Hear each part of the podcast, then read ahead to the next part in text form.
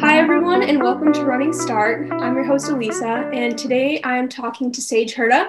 So, a little bit about her. She is currently a professional runner with On. She recently graduated from the University of Colorado, and this year she won the NCAA Indoor Mile and was the runner up in the Outdoor 1500. She was also a member of the 2018 NCAA Cross Country Championship team and the 2017 NCAA Indoor Championship DMR team. So, a lot of accomplishments there. And then on the academic side, Sage was recently named the National Scholar Athlete of the Year for the 2021 indoor track season. So, I don't know, anything big that I missed, Sage? Um, no, I mean, you kind of hit the big ones there, but you know, could, the smaller ones could go on and on. exactly. Okay, cool. So I guess let's start with talking about your transition to going pro, which was just a few months ago.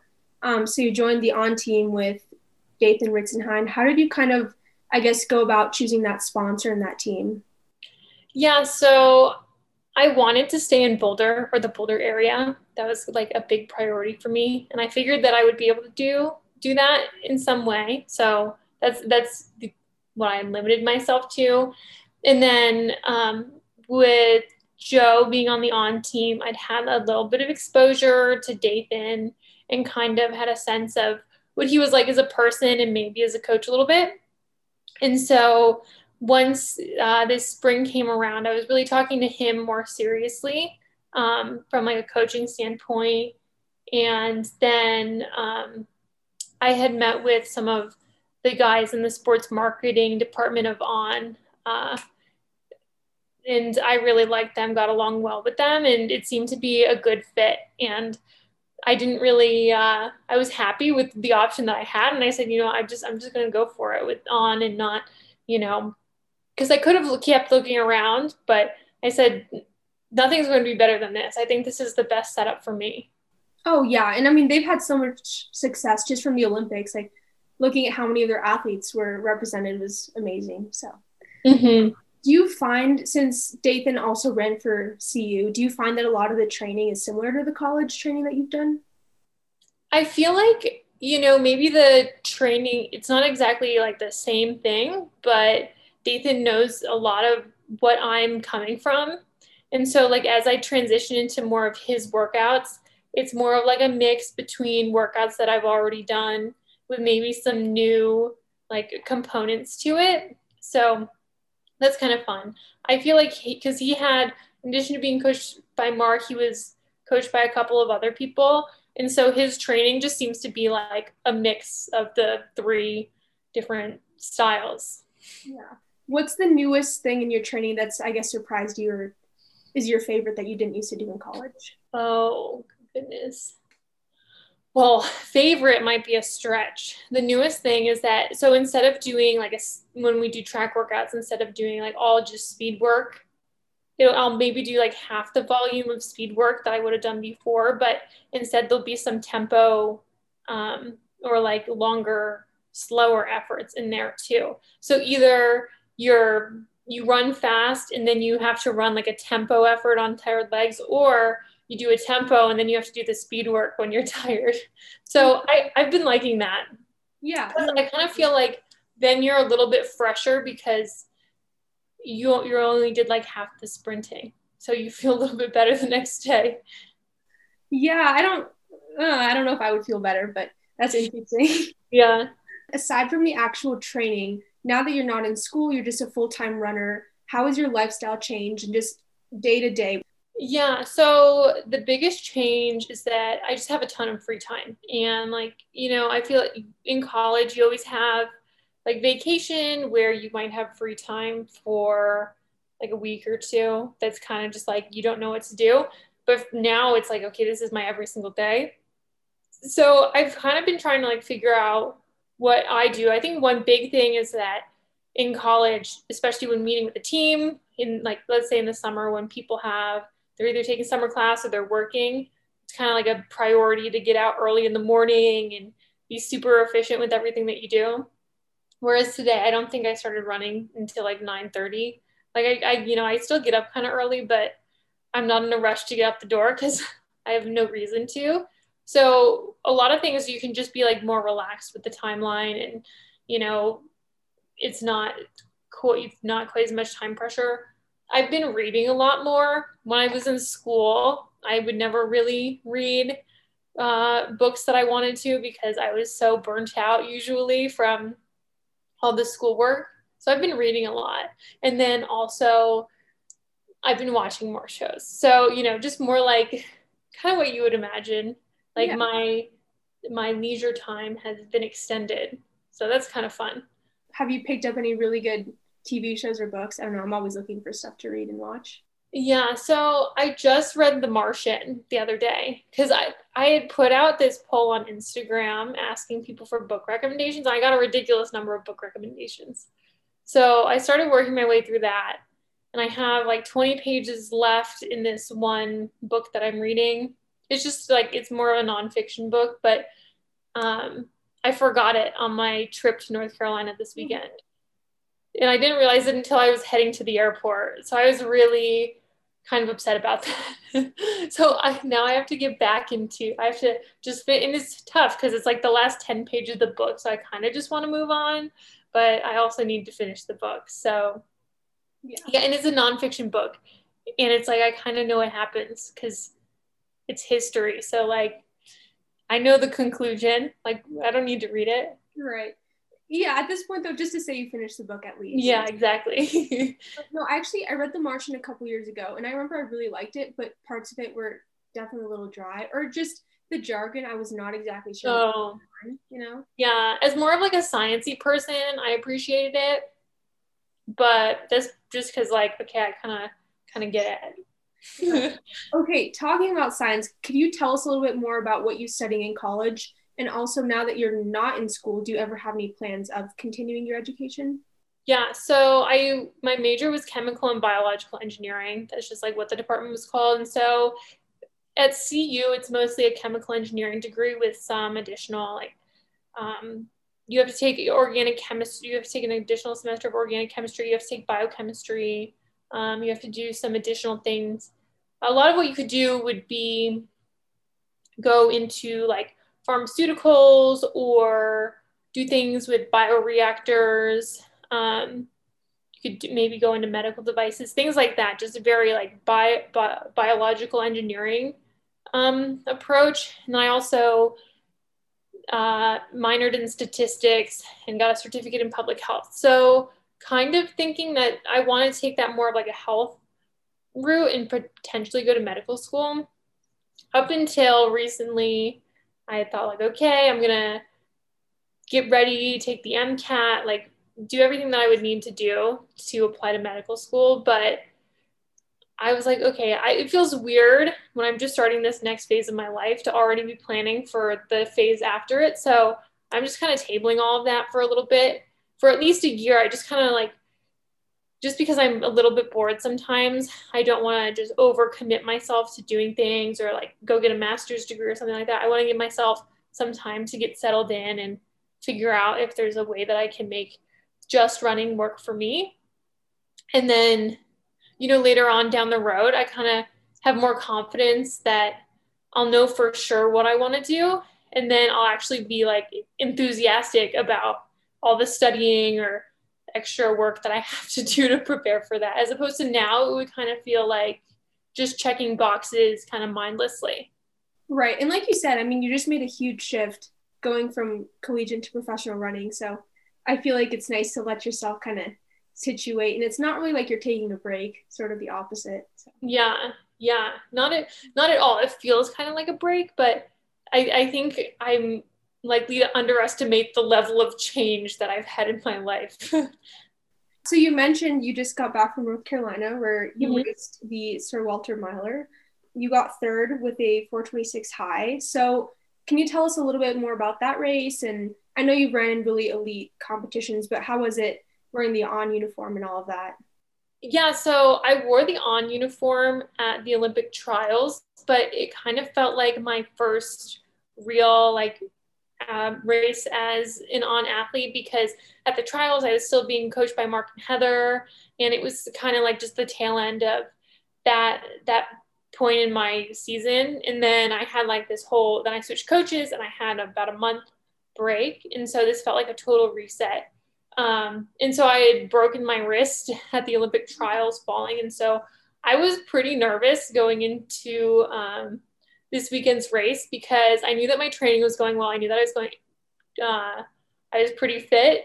I just wanted to, one, translate that, make sure I wasn't just deluding myself. And then also, just like man because the the field size got really big it was way bigger than they expected they had 17 people plus a pacer and they were saying oh yeah it's going to string out and i was doing the math i was like well everyone's like right around each other in terms of prs like it's not that big of a spread it could be really chaotic and so i just wanted to like stay on my feet and have like a positive race experience mm-hmm. uh, so I, I did that i i pretty much was running like outside of lane one, lane two the whole time to stay away from like the rail, well, the bricks that they had out on the track in place of a rail.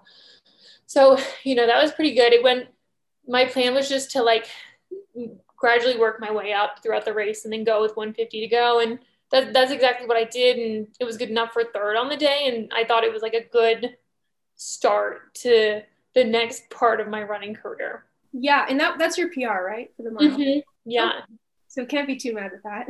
No. Okay, and then you mentioned the Olympic trials, so I guess we can backtrack a little bit to that. Like you said, that was your first race. I mean, by then you'd officially signed with On and everything. Did you feel any kind of different pressure stepping on the line with the On uniform, or did it sort of feel like you were still a collegiate? You know, I don't really feel that much of a difference with the On uniform in terms of the CU uniform. I mean, it's a little different because you're not representing like the school and the history and the tradition of the Colorado program. Um, so, you know, it's kind of nice because also the team is relatively new and there's not like a huge 1500 runner or something where as opposed to like no matter what you do like as a cu runner like you'll never be jenny simpson or something like that. So it's kind of nice. In some ways there's less pressure.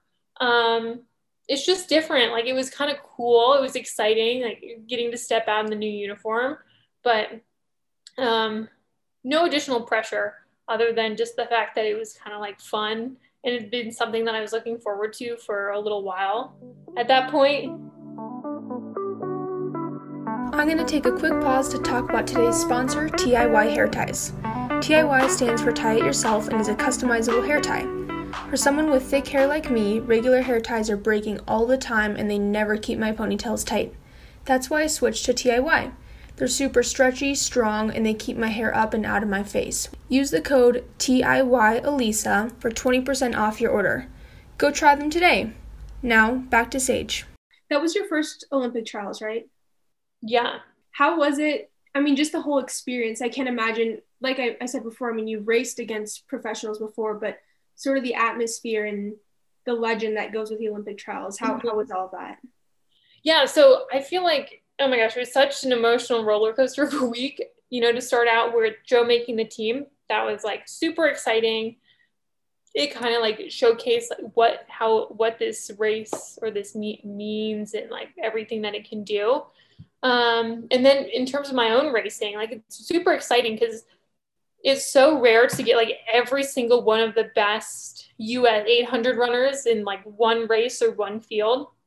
And so to be around that and to be part of it was, um, I don't know, super like validating. And I would go into the, I went into the rounds with, I wasn't not just happy to be there in terms of like, I didn't care what, how I did, but happy to be there in terms of like, wow, what a great experience. Like, how lucky am I to be here and have a shot to compete? when I fell in the semifinal with 100 to go, it like took a total 180. And it was just kind of like a miserable experience the rest of the time that I was in Eugene, just because, you know, I was in pain. I had to go to the hospital. Um, I was a little frustrated with like how the appeal process worked about getting final. And then I kind of, and then I just ended up sitting on the sideline and it was 110 degrees out that day and it just wasn't as fun. And I was kind of, uh, grumpy about it. So it definitely was like um, a low point at the end, but I feel like that's kind of how it is with the Olympic trial. Like either you make the team and it's super amazing, or you know, it was maybe fun along the way, but at the end of the day, you're a little disappointed. Oh, yeah. So, going into the semifinals, was your goal to make the final and hopefully the Olympic team? Yeah, definitely. My my whole thing was just taking it one day at a time because uh, you can't really take it for granted with how deep the 800 is. Mm-hmm. I definitely knew that I could make the final. And, you know, I didn't really think that I could win the final. I had no no aspiration to that, but I, I kind of looked at the field and, you know, there's eight people in the race and you only have to be in the top three, which, you know, the odds of that aren't super terrible. So I thought like anyone in that final would have a shot of making the team. And that's kind of how I felt like I knew I could get to the final. And then I also knew that anyone in the final had a shot at the team. Right. And then going into that race, how did you even decide to do the 800 compared to the 15? Because in the NCAA outdoors, you did the 15. So a little bit of a different race, obviously. Yeah, I think the whole time I was planning on doing the 800 just because on a national level, especially like in college, is high, like better in the 800 than I am in the 15. Just um, didn't qu- don't quite have the, especially after this year where I didn't necessarily have a big base training period where I think you have to have a lot of strength to be competitive at a national level um, in the 1500. So all along, I knew that I was running the 800. Plus, I originally qualified for the Olympic Trials 800 in 2019. So I'd it'd been on my calendar for two years, um, and so that was my. I was like, okay, I'm definitely going to do that. And choosing to do the 1500 NCAAs was more of a decision based off of the trials as opposed to the other way around it was more like I don't want to just be racing 800, so I also I want to mix it up because I knew that I was going to be doing the 800 at the trials. So I decided, okay, I'm going to do the 15 at the NCAAs. Plus, I thought that from like a training perspective, the strength of the 1500 would then serve me well at the trials. Yeah, no, that makes complete sense. Wow, but yeah, definitely kind of a hard way to end um, the trials. How how's your was your arm pretty quick to heal up, or how was that?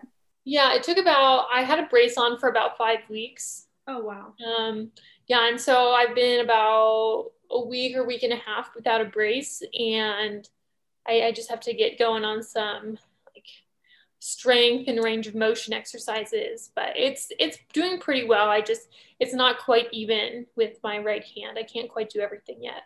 Yeah. While we're on the topic of strength and all that kind of stuff, I know at Colorado, obviously we I think strength's a pretty important part of the training, and you know we go in the weight room two three times a week. How is sort of that carried over to on, and I guess all the other components like the strength, the nutrition, all of that? Do they put a lot of emphasis on that as well?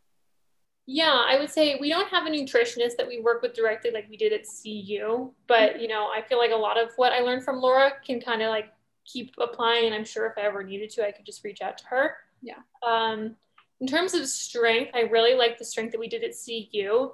However, this and I think it like gives you a great base. The strength that I'm doing now is a bit different.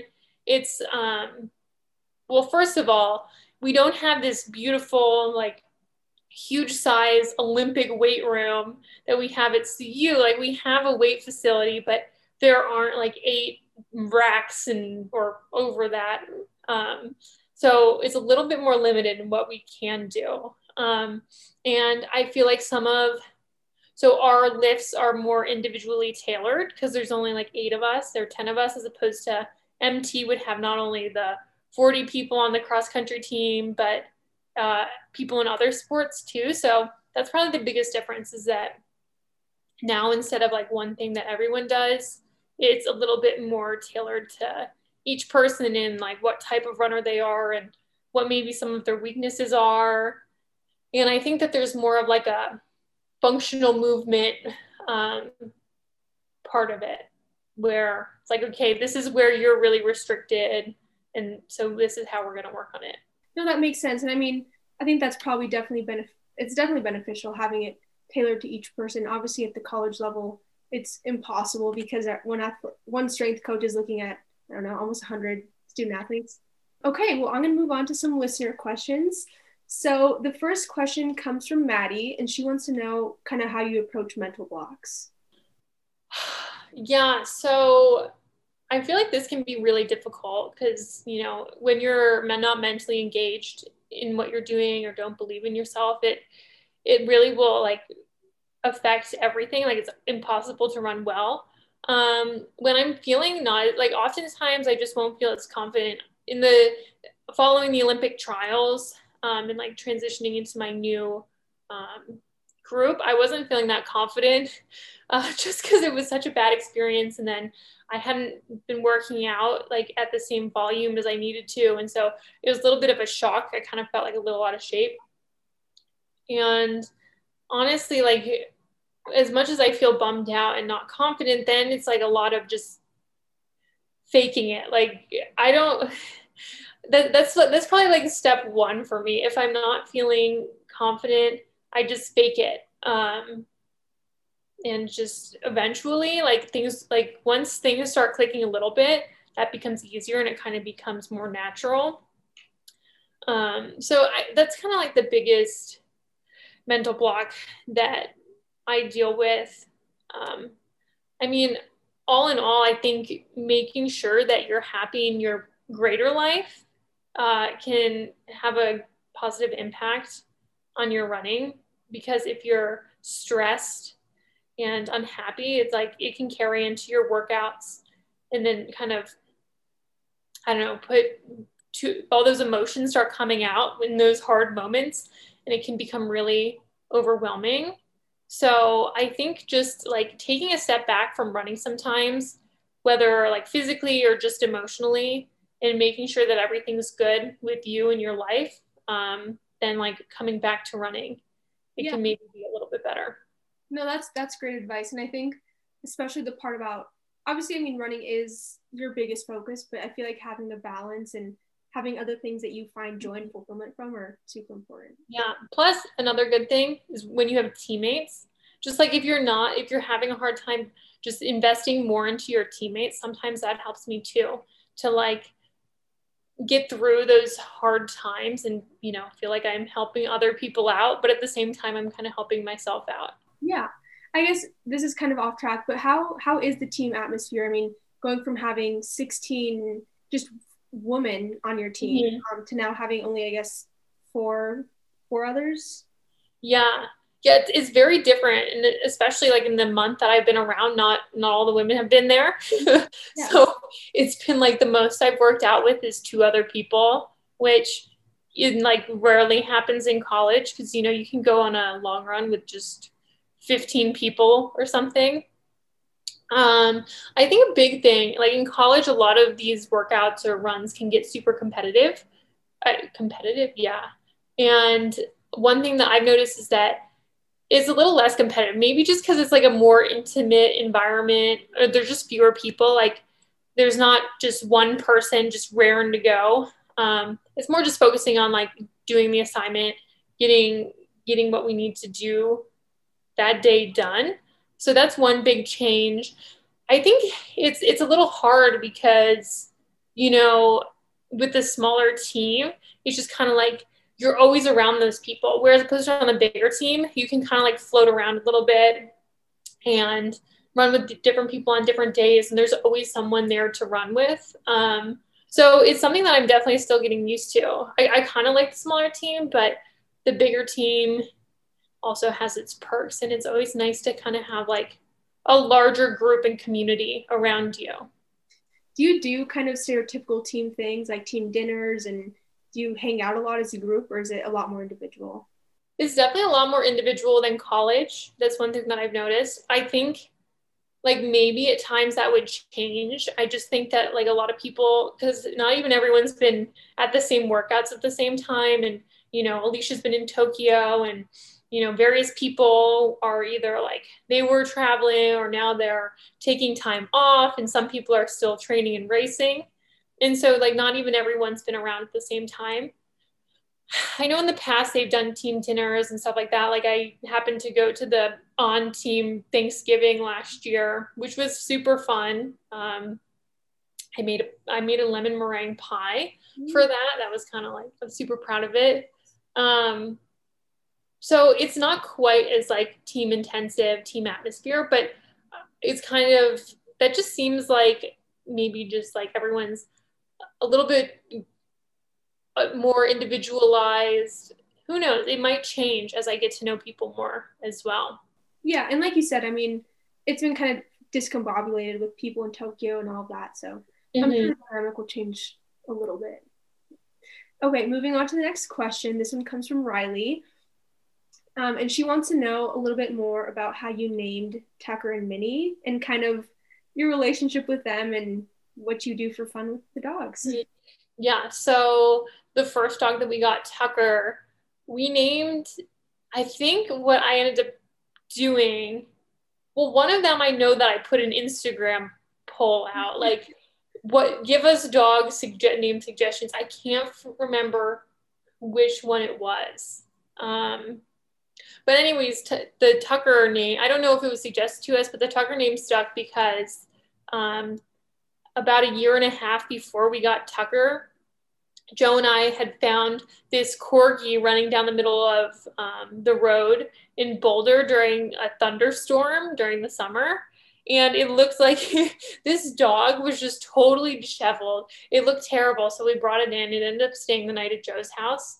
Um, and Joe was so prepared just to keep this dog. But um, we he ended up bringing it into the the shelter and the, it, they were like, oh, we know exactly whose dog this is. So it got returned, but that dog's name was Tucker. It was like a 15 year old corgi, um, super cute, not not much going on there. I ended up we ended up then moving. I moved like two doors down. Um, the red house, they lived like this dog was from like three doors down and it was somehow a year later it was still holding on even though it was like really kicking. Yeah so anyways that we named tucker after that dog after the dog that we almost stole. So um yeah and then minnie i somehow the name i don't know if we were looking at like nameless but we saw the minnie and i really liked it. My uh my great grandmother's name she went by minnie. So i don't know I don't know if it's a nice thing to name your dog after your great grandmother, but I like the name, so it kind of stuck with it. And then, you know, in my day to day, a lot of a lot of my time ends up just going to like playing with the dogs or walking the dogs. Um, and so it's like super nice, especially during quarantine when there wasn't much to do.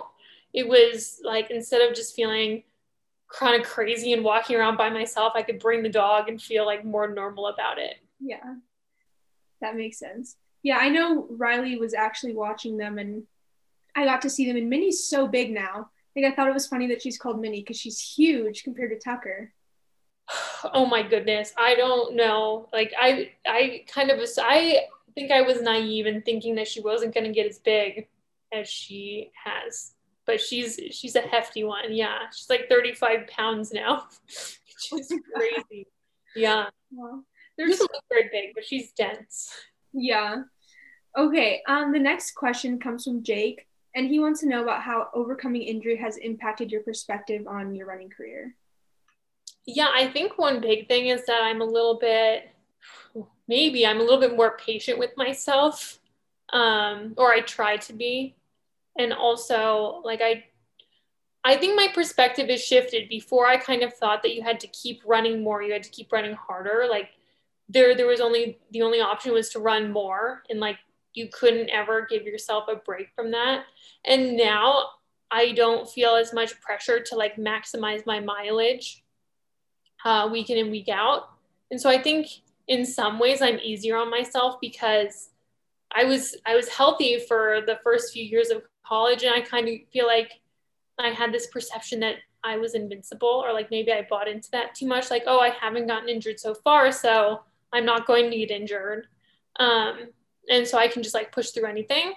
And now I don't do that so much. Like I still definitely have trouble um, like taking a step back when I need to, but just in general, like day to day, I don't run as much.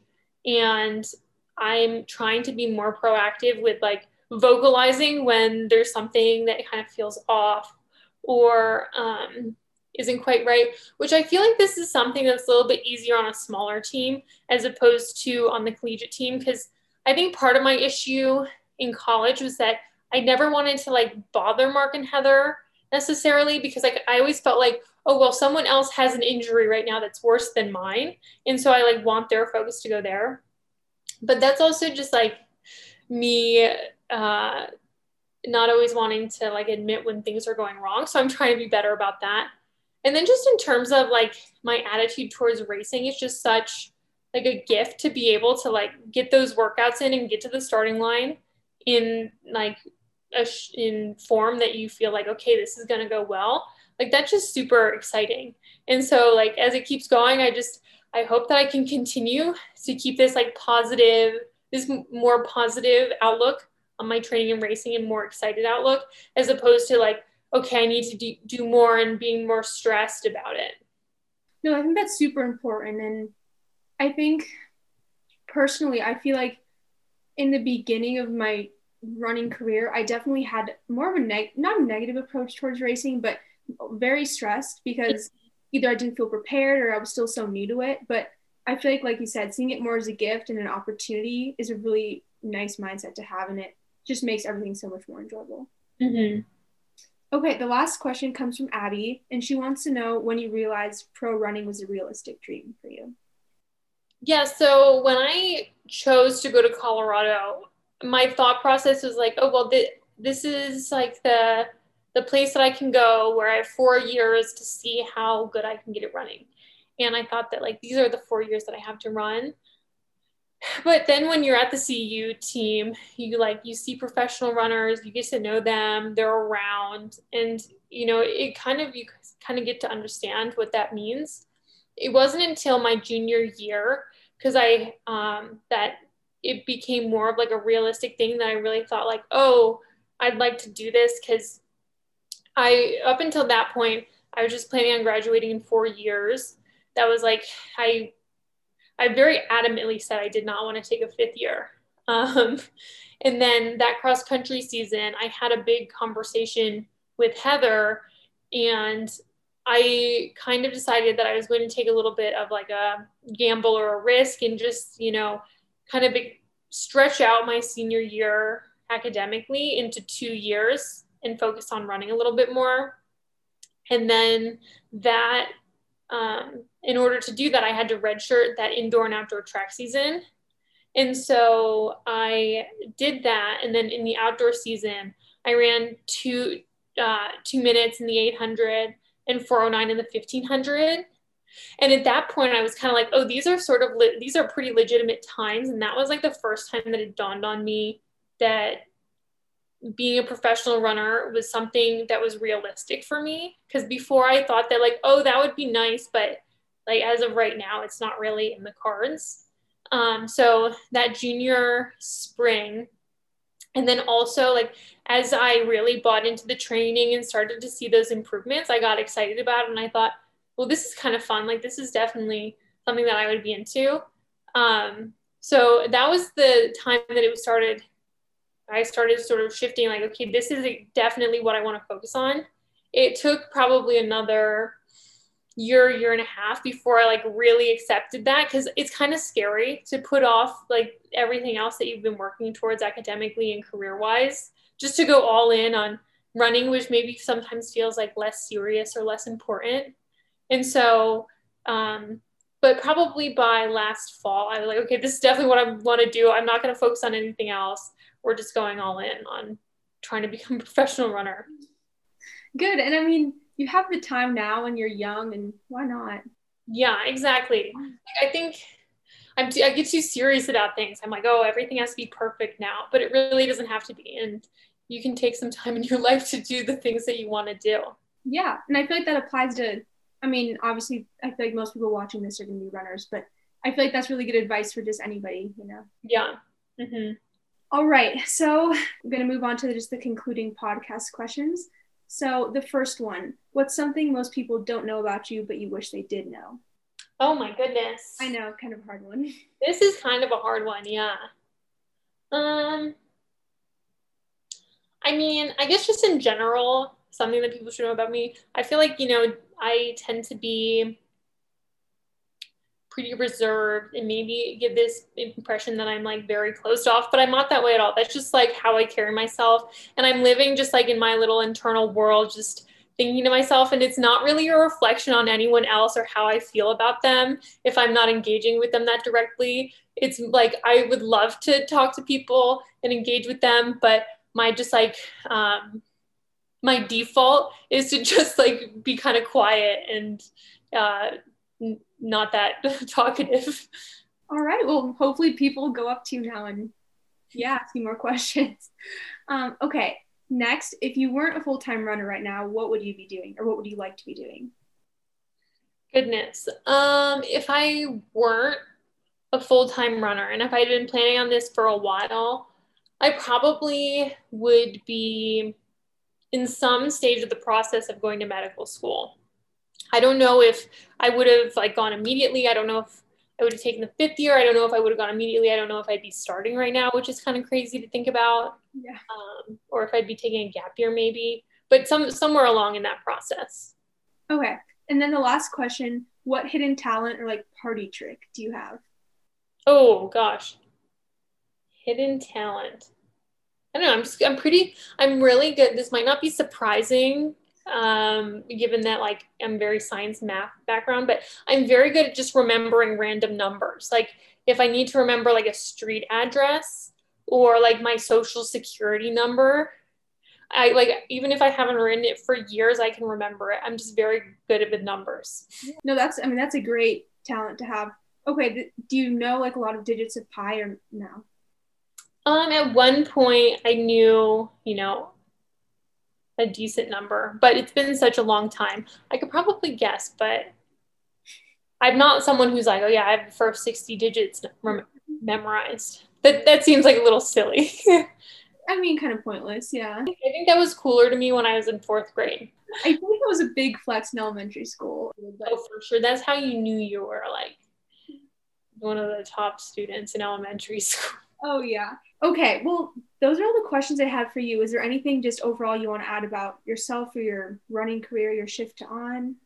Um, I mean, just in terms of my shift to on, I'm really excited because you know I'll be around for the next at least few years, and I'm excited to see like how things change or develop, and how my running goes, and how things either you know take off hopefully, and I don't know. I, I hope that it all goes well over the next few years. I'm super excited for you and just the success you've had in the short amount of time that you've switched on and like mm-hmm. the last race, I think is really promising and exciting. Thank you for listening to my conversation with Sage. She's racing the 1500 meters this weekend at the Prefontaine Classic, so make sure to watch her compete in that. Also, follow her on Instagram at Hurta Sage and follow me on Instagram at Elisa M. Fish. If you're enjoying this podcast, make sure to subscribe and leave a rating. Thank you again for listening, and make sure to tune in for my next interview, which would be coming out soon.